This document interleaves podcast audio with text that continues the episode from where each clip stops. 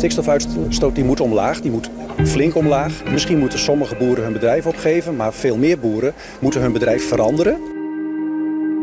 Je luistert naar Stikstof tussen duin en dijk. Een podcast van NH, waarin het gaat over een van de grootste crises van dit moment, de stikstofcrisis.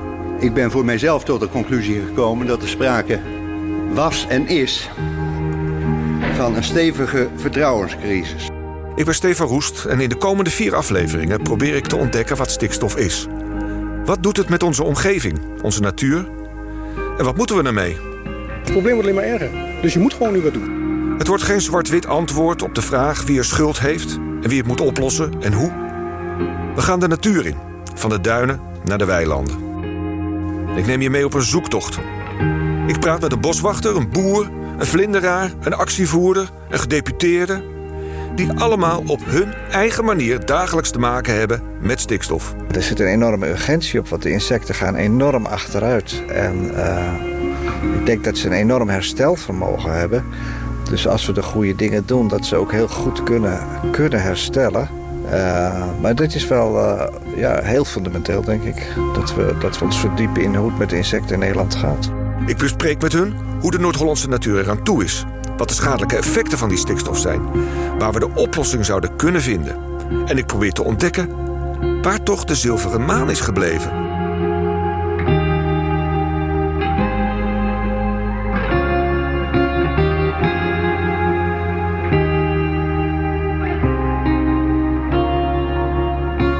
Nederland staat eigenlijk op zijn kop sinds 2019. Dan uh, verklaart de Raad van State het, uh, het Rijksprogramma aanpak stikstof voor uh, onwettig. Dat programma dat voldoet niet aan de gestelde natuurbeschermingsregels en de Europese habitatrichtlijnen. En Nederland is natuurlijk als, als lidstaat van de Europese Unie gebonden aan die Europese regels. Die moeten we naleven. Sindsdien ja, zit het land eigenlijk op slot.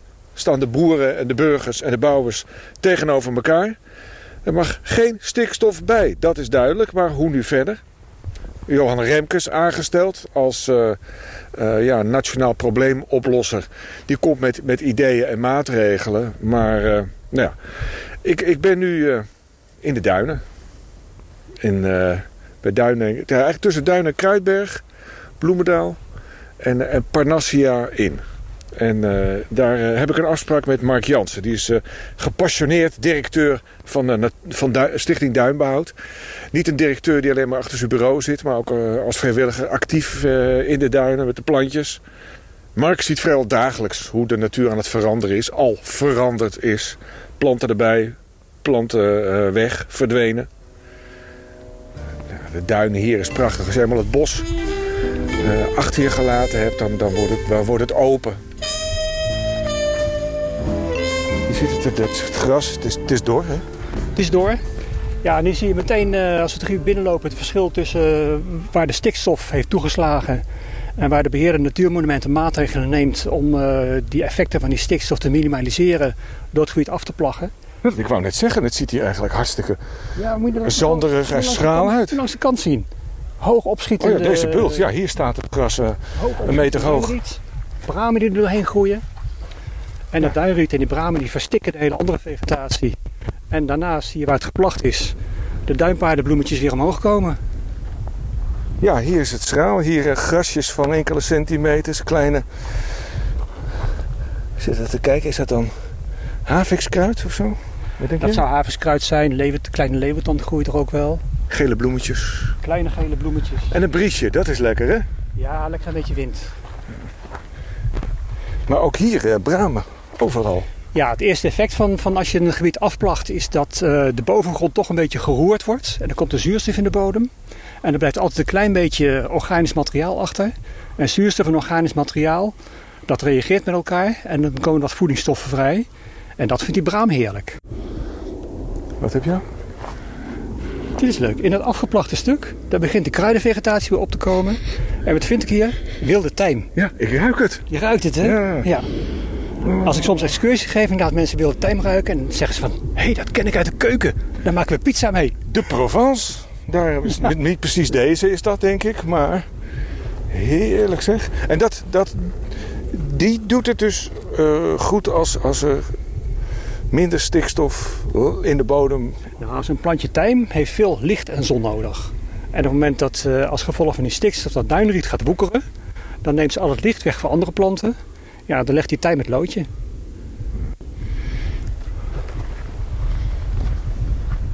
Ik zie hier trouwens stront. Van de koeien, de Schotse hooglanders. Dat zijn de van Schotse hooglanders, ja. Ja, die lopen hier rond en die zorgen voor uh, het beetje in, in toom houden van al die plantengroei. En te zorgen dat het gebied wat, wat open blijft en uh, geschikt blijft voor allerlei kruiden. Oké. Die stront, de stikstof van, van dat soort beesten, dat, dat berokkent de duinen niet veel schade? Nou, het aardige is, die Schotse hooglanders hier worden niet bijgevoerd. Dus er is geen invoer van stikstof het duingebied in door de Schotse hooglanders. En wat die Schotse hooglanders doen, die concentreren de stikstof. Dus die eten op een heel groot oppervlak, een paar honderd vierkante meter, eten ze alle planten weg. En de poep komt terecht op een paar vierkante decimeter. Ja, dat is een, nou ja, een kwart vierkante meter. Ja. Daar ligt dan die. Uh, dus die stikstof die, komt terug in hele geconcentreerde vorm op één klein plekje. En daar gaan dan weer plantjes woekeren, maar niet over het hele gebied. Okay. Dus dan krijg je een heel mooi mozaïek in het landschap van stukjes waar de planten wat hoger zijn en grote oppervlaktes waar de kruiden heel laag blijven.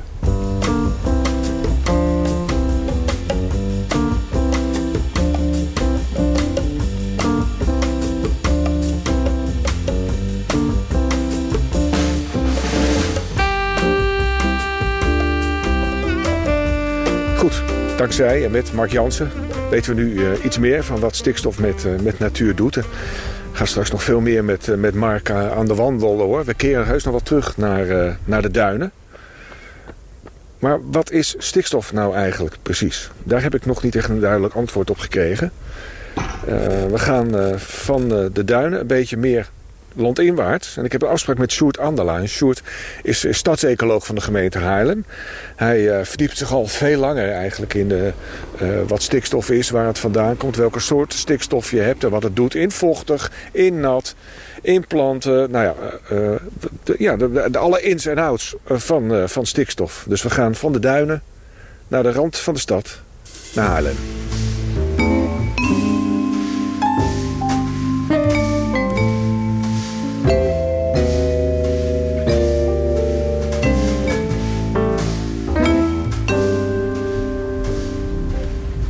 Fosfaten en stikstof, dat is... Uh...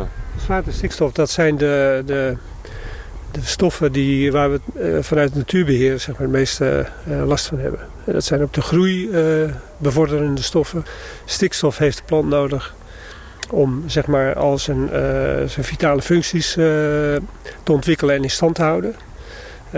dat is alle transport in de cel, maar ook de structuur in de cel, weefsels, et cetera, et cetera. Uh, energiehuishoudingen, die worden ook vooral door stikstof bepaald. Uh, dus die hebben ze nodig, maar uh, die zijn ze ook zo weer kwijt als ze gaan afsterven, rotten. krijgen bacteriën en die maken daar weer andere stofjes van. In dit geval ammoniak of ammonium. dat kan in, heel makkelijk splitsen in ammoniak en water. Dat ammoniak kan in een gasfase op hele grote afstand getransporteerd worden. Het ammoniak slaat neer uh, op plekken waar veel vocht uh, aanwezig is of waar uh, zeg maar veel waterdamp in de lucht is of regen valt. Ja, en dan hebben we het probleem verplaatst naar elders. En dat is dus ook het dilemma van onze Nederlandse samenleving, misschien ook wel de Europese of, of mondiale, dat we op een aantal plekken concentraties hebben van uh, emissie van fosfaat, stikstof. vooral stikstof die het meest vluchtige en fluïde is.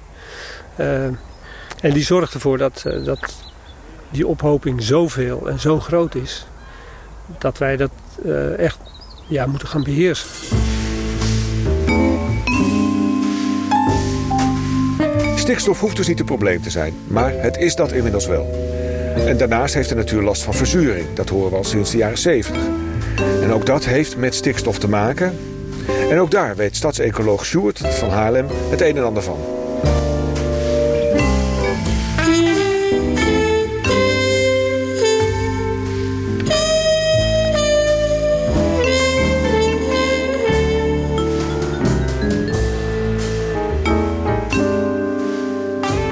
Goed begrepen dat het probleem van die verzuring onder andere is dat allerlei, ik noem maar even kalkachtige uh, stoffen, basische stoffen uit de bodem wegspoelen die voor heel veel planten en dieren ja. ook noodzakelijk zijn. Met, met namelijk bomen bijvoorbeeld. Ja.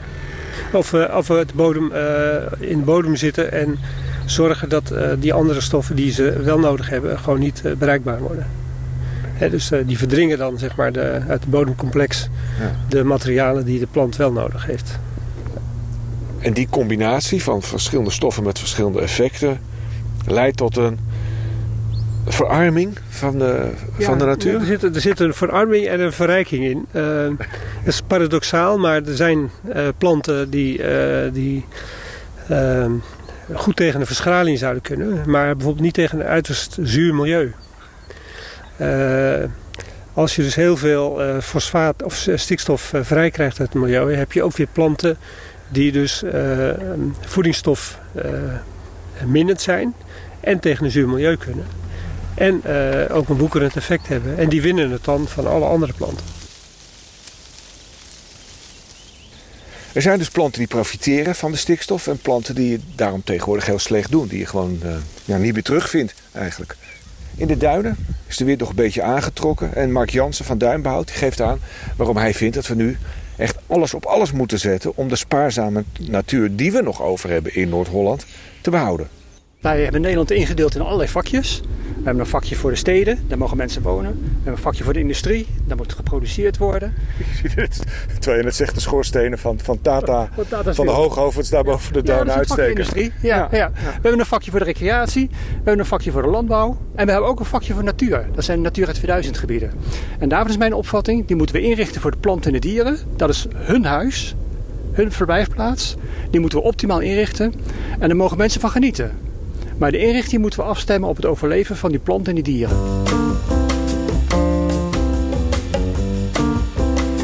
Daarin staat Mark uh, niet alleen. Uh, in Noord-Holland werken diverse organisaties aan natuurontwikkeling. Zoals Goois Natuurreservaat, PWN, Natuurmonumenten, Landschap Noord-Holland, Staatsbosbeheer. Ze geven samen vele miljoenen uit om schadelijke effecten van bemesting door stikstof tegen te gaan. Bijvoorbeeld door de voedselrijke toplaag van de bodem die af te graven en af te voeren.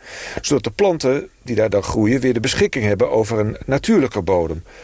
Of ze sturen grote grazers, Schotse hooglanders, koninkpaarden en dat soort dingen het gebied in.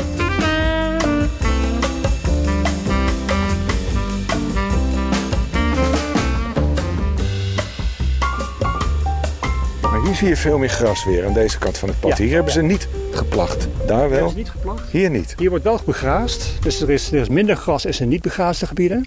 Oh ja, je ziet daar wel de sporen. Hier heeft een clubje hooglanders doorheen gebanjerd. Verderop in de Kennemerduinen zijn ook een, een, aantal exclosures gemaakt. Dus gebieden die afgeschermd zijn met een hekwerk. Waar dus geen uh, koeien of paarden kunnen komen.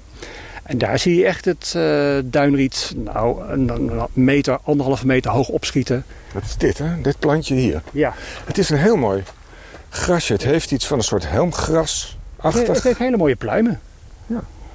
Maar het heeft wel de eigenschap, dat gras, dat het alle andere planten verdringt. En dan hou je een vrij soortenarme vegetatie over. Je keutel van een dikke vos, wat denk je? Dit is een vos, ja. En zo te zien heeft hij een paar bramen gegeten. Ja, bramen. Een paarse keutel. En wat, wat, wat, wat pitten zitten er misschien? Van sleedoorn misschien? Of dat iets anders? Zijn, ja. Of, of uh, wat hiernaast staat, uh, vogelkers. Heet hij dat? Ja, die heeft niet zo'n grote pit hoor, vogelkers. Maar dat zou de sleedoorn kunnen zijn. Ja. er zitten ook haartjes in. Hij heeft ook vlees gegeten. Vast wel een, muisje gegeten of ja. wat dan ook, ja.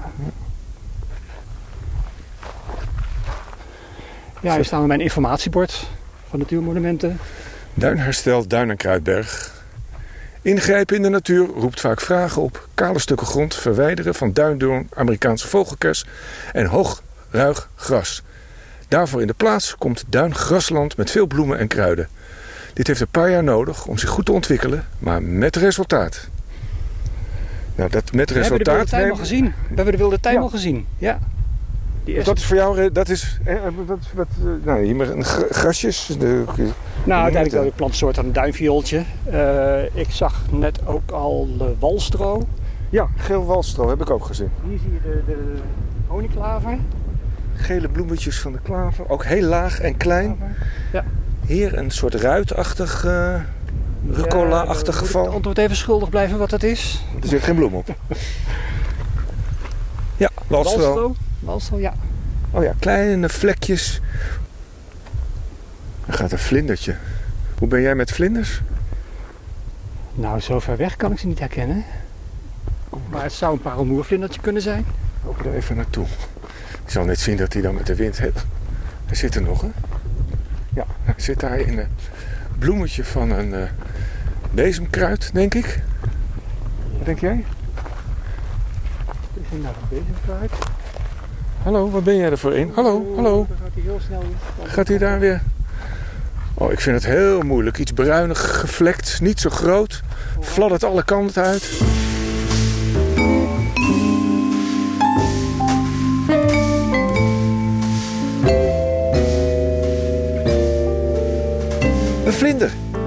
Ik ben daar nogal op gespitst geraakt, omdat we, om een van de redenen om deze podcast te maken, eigenlijk het, het verdwijnen is van de zilveren maan. Die vlinder, de Noord-Hollandse polders.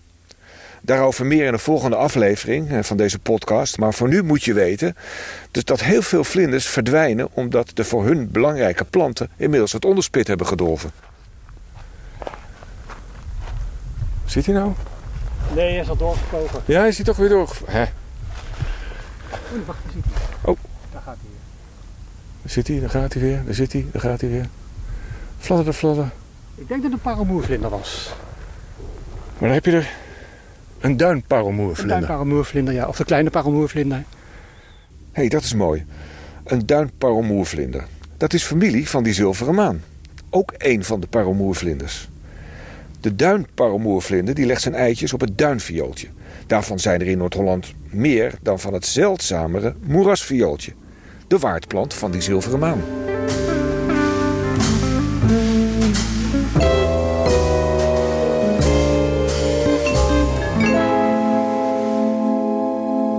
Dat is toch mooi? Dat is heel mooi, ja. Nee, die vlindertjes, doen we het ook onder andere voor, hè. In het duingebied. Veel insecten. Het leuke is wel dat, eh, ja, vlinders... die zijn echt afhankelijk van, van allerlei bloeiende planten... om hun nectar te verzamelen. En met behulp van het nectar kunnen ze eitjes leggen. En dan komen weer de rupsjes uit. Ja, als die plantjes er zijn waar ze die eitjes op leggen. Ja, dan moet je wel... Dat hebben we begrepen met die, met die zilveren maan. Ja, die eh, heeft daar een probleem. Want ze, de waardplant verdwijnt.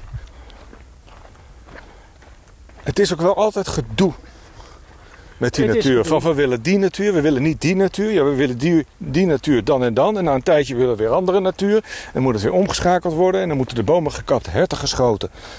Ja, De belangrijkste, oh, oh. de belangrijkste filosofie is dan ook: geef de natuur een kans. Stimuleer de natuurlijke processen die er van nature plaatsvinden in zo'n duingebied. En probeer die met natuur te waarderen. En natuurlijke processen is een lage stikstofdepositie, is veel wind en stijvend zand. En eh, dat is grondwater wat naar boven komt en naar de planten voedt.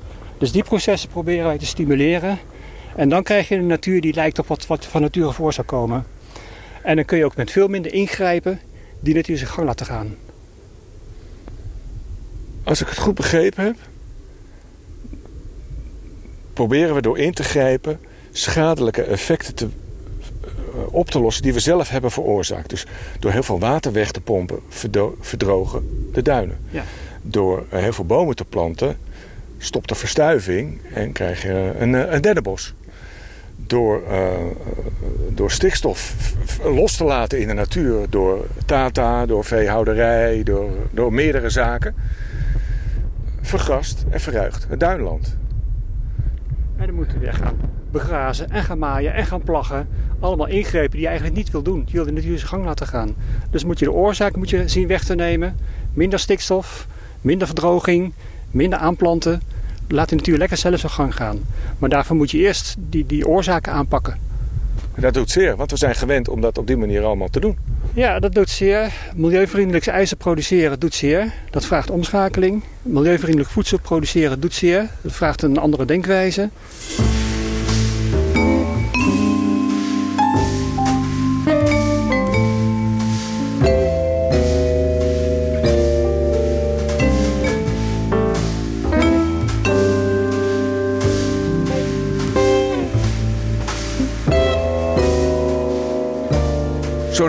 Ik eigenlijk alvast een voorschotje op de oplossingen van het stikstofprobleem. Maar daar komen we in de latere afleveringen van deze podcast... Stikstof tussen Dijn en Dijken ook nog wel over te spreken. En wie niet kan wachten, die kan er alvast de bevindingen op naslaan... van onze nationale stikstofredder in nood, Johan Remkes. Aan Sjoerd Andela stel ik voor dat we eigenlijk gewoon meer groenten moeten eten. Alle stikstofliefhebbende planten gewoon in de salade onder het motto... If you can beat them, eat them. Kunnen we die niet gewoon opeten allemaal? Zijn er, kunnen geen planten... Pijpenbroodje is niet zo lekker, eh, geloof ik, op de heide. Eh, maar goed, dat is zo'n zo'n zo'n, eh, zo'n plant die, die massaal de heide kan verdringen natuurlijk. Ja, brandnetels, daar valt niet tegen op. De brandnetel thee drinken. Je kan er kleding van maken, je kan er vezels van maken voor touwen en weet ik al niet wat. Maar ja, daar, daar, daar zitten we niet echt op te wachten. Dus het is gewoon een probleem. Dat is gewoon een probleem. Dus je moet, je moet het eh, zeg maar toch kleiner weten te maken. En dat heeft toch te maken met eh, eh, toch ingrepen eh, doen in de, in de samenleving die misschien hier en daar pijn doen, maar die uiteindelijk wel nodig zijn om, om de, ja, de wereld in ieder geval leefbaar te houden.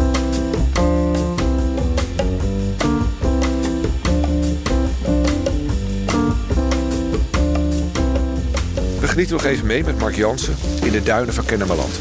Dit is ook een heel leuk plantje. Dat is de stijve ogentroost. Een heel mini plantje. Daar heb je eigenlijk een eh, vergrootglas bij nodig om dat goed te bekijken. Maar dat staat in het boek als een plantje wat eh, een eh, geneeskrachtige werking heeft voor je ogen. Oh. Vandaar dat het ook ogentroost heet. En daarnaast zien we nog een veel bijzonderer plantje. Dit is een slanke gentiaan. Dat Zie je? is gewoon een meter, anderhalve meter naast het pad. Dat staat vlak naast het pad, ja. ja. Ook een bijzondere plantensoort van vochtige duinverleien. Ik had hem hier nog niet gezien hoor, vorig jaar. Maar nu wel. Maar dit zijn allemaal plantjes. Klein, subtiel. Kleine subtiele plantjes. Die gaan groeien in voedselarme situaties. Met wat vocht in de bodem. En dan krijgen ze de kans dat ze niet weg worden geconcurreerd door andere planten. Dus die kruipwillig moet je wat in toom houden. En je moet de, de, voedselvoorziening laag houden. Nou, een beetje maaien en begrazen, dan komen die tot bloei. Hier, het zandblauwtje ging voorbij. Een vlindertje. Vlindertje. En dit zijn nou die typische kruidenrijke vegetaties die bedreigd worden door de stikstofdepositie. Want als hier te veel stikstof opkomt en je voert geen beheer, dan groeit het helemaal dicht met kruipwillig en, eh, en andere plantensoorten.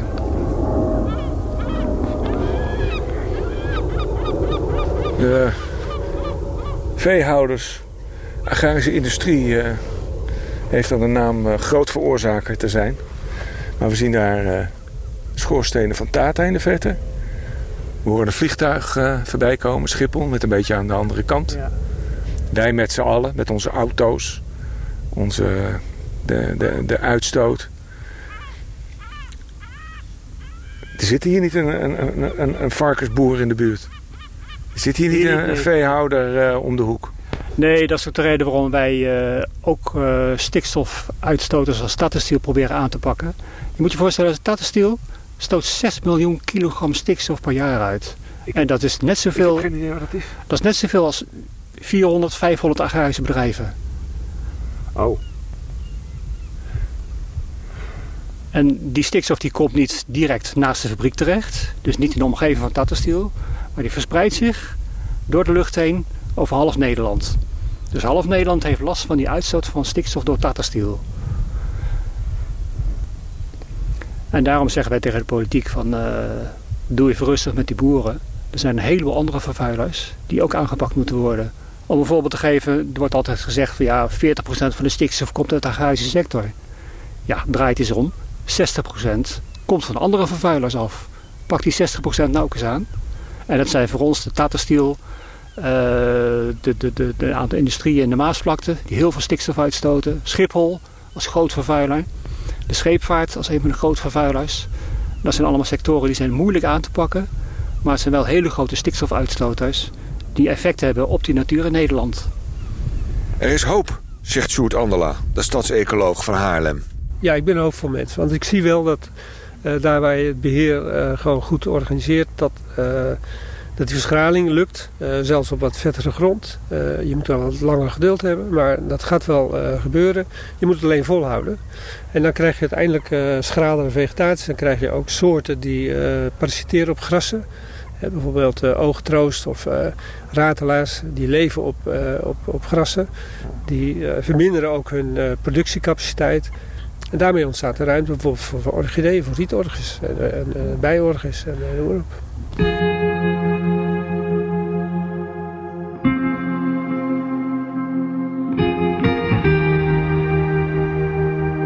volgende afleveringen van de podcast Stikstof tussen Duin en Dijk kijken we verder de natuur van Noord-Holland in. We gaan de polder in. Ik maak zelf ook een stukje duingebied, Kennemerstrand. Dat doe ik al jaren. Daar groeien allerlei orchideeën. Maar het ziet er langzamerhand wel uit als een biljartlaken. Er is geen weidevogelnatuur zonder boeren, veehouders, agrarische ondernemers, noem het maar zoals je wil. Maar de ene boer is de andere niet.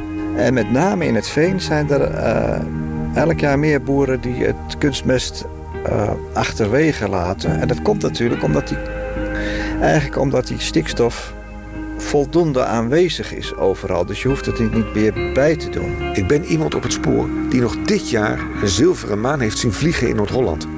Zou die vlinder dan misschien terugkeren naar onze polders? Op mijn vakanties lukt het eigenlijk altijd wel. Als je in, in een heuvelachtig gebied bent met een beekje en een moeras erbij, dan uh, daar vind je ze. Luister naar de volgende aflevering van Stikstof tussen Duin en Dijk. Een podcastserie van NH.